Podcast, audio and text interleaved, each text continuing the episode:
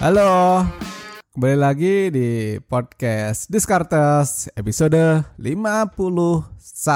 Gua akan angkat tema susah kerja tapi kok belum kaya-kaya ya. Hmm. Buat teman-teman yang mau join ke podcast Discartes, ini adalah podcast tentang ekonomi, investasi, dan bisnis. Kita akan ngobrolin semua yang berhubungan dengan berita-berita yang ada di sekeliling kita. Kita kulik buku-buku atau ide-ide yang bermunculan. Tentu ditambahkan dengan ide dari gua sendiri.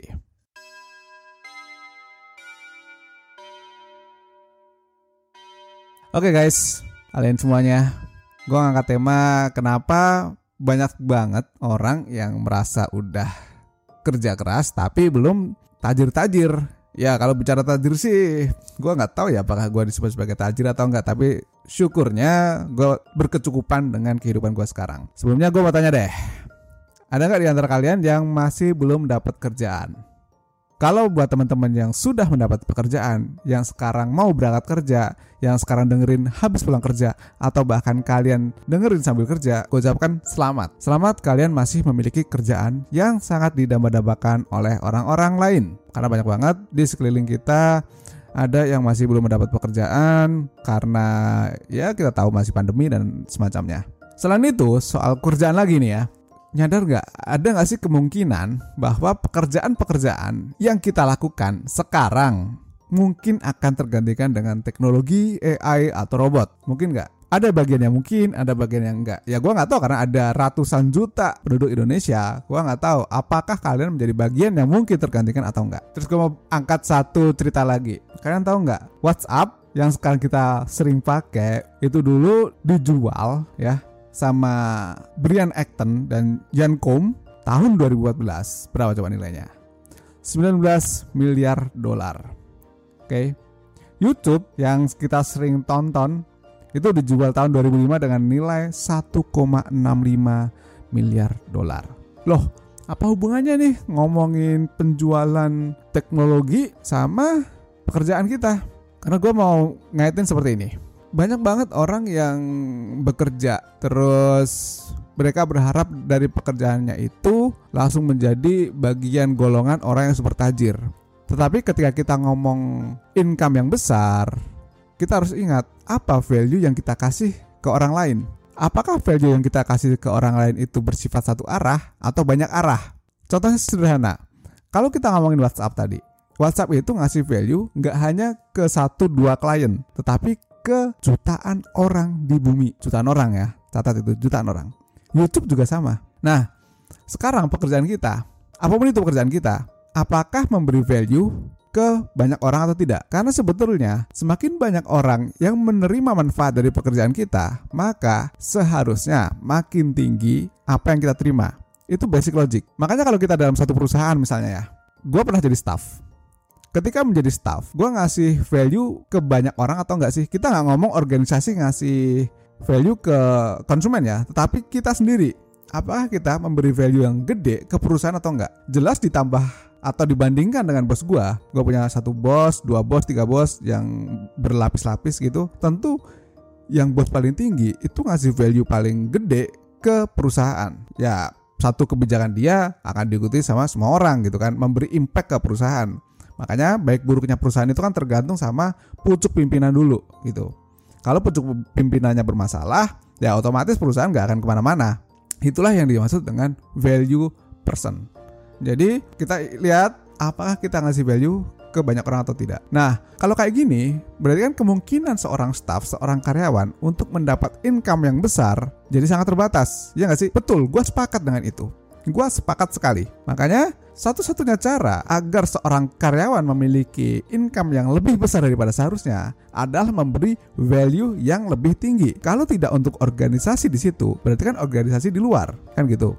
Tetapi masalahnya adalah orang kalau ngambil side hustle bisa jadi dia akan mengganggu pekerjaan utamanya. Nah, di sini si individu harus pintar-pintar ngejaga nih ngebandingin mana nih waktu yang untuk eh, korporasi, mana untuk yang di luarnya. Jangan sampai terjadi konflik of interest. Nah, ini yang jadi dijagain. Ini ada hubungannya sama resource yang dimiliki setiap orang. Resource manusia itu terbatas. Oke, okay? kita cuma punya waktu let's say 24 jam dalam sehari itu dikurangi dengan waktu tidur katakanlah 6 jam berarti cuma ada waktu 18 jam 18 jam waktu yang kamu sadar itu berapa yang untuk kerja berapa untuk makan, berapa untuk lain-lain. Nah, ini kan sangat-sangat terbatas. Maka, cara kedua tadi, selain untuk meningkatkan value adalah mengusahakan berapa orang yang bisa kamu kerjasamakan.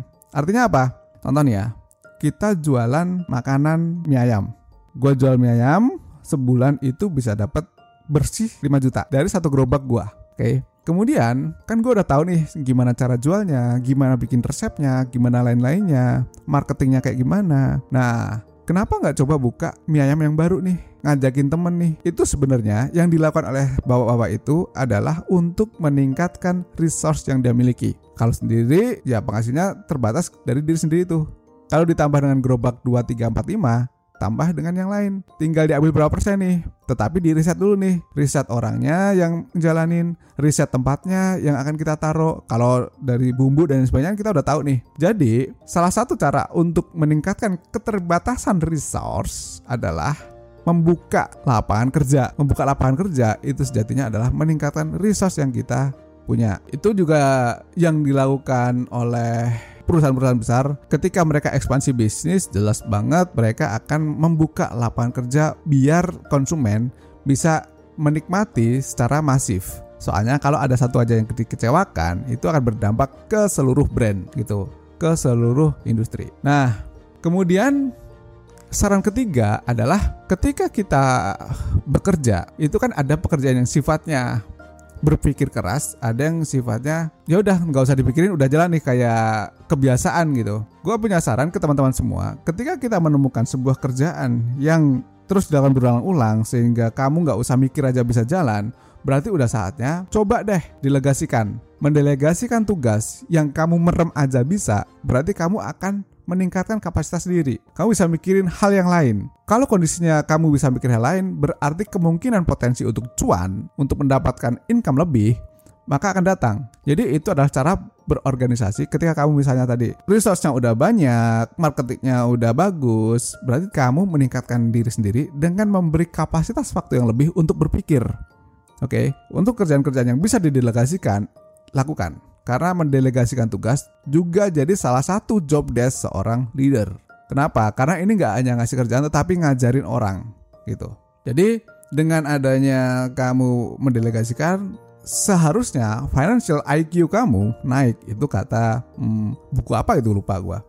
Jadi waktu yang ada kamu bisa berpikir, kamu bisa lebih berani untuk berimajinasi, lebih berani untuk bereksperimen dan ini ada hubungannya sama eksperimen. Ketika kita mau meningkatkan income, misalnya dalam bisnis nih, Berarti kan kita akan eksperimen hal yang, hal yang baru. Eksperimen itu akan membutuhkan dana dan pikiran. Kalau pikiran kamu nggak konsen ke sana, berarti dana kamu terkuras, hasil nggak optimal. Jadi hati-hati soal itu. Dan yang terakhir yang mau gue bilang adalah kita nggak bisa meningkatkan hanya menggunakan dua tangan. Nggak bisa. Kita harus meningkatkan menggunakan puluhan, ratusan tangan, puluhan, ratusan pikiran. Oke.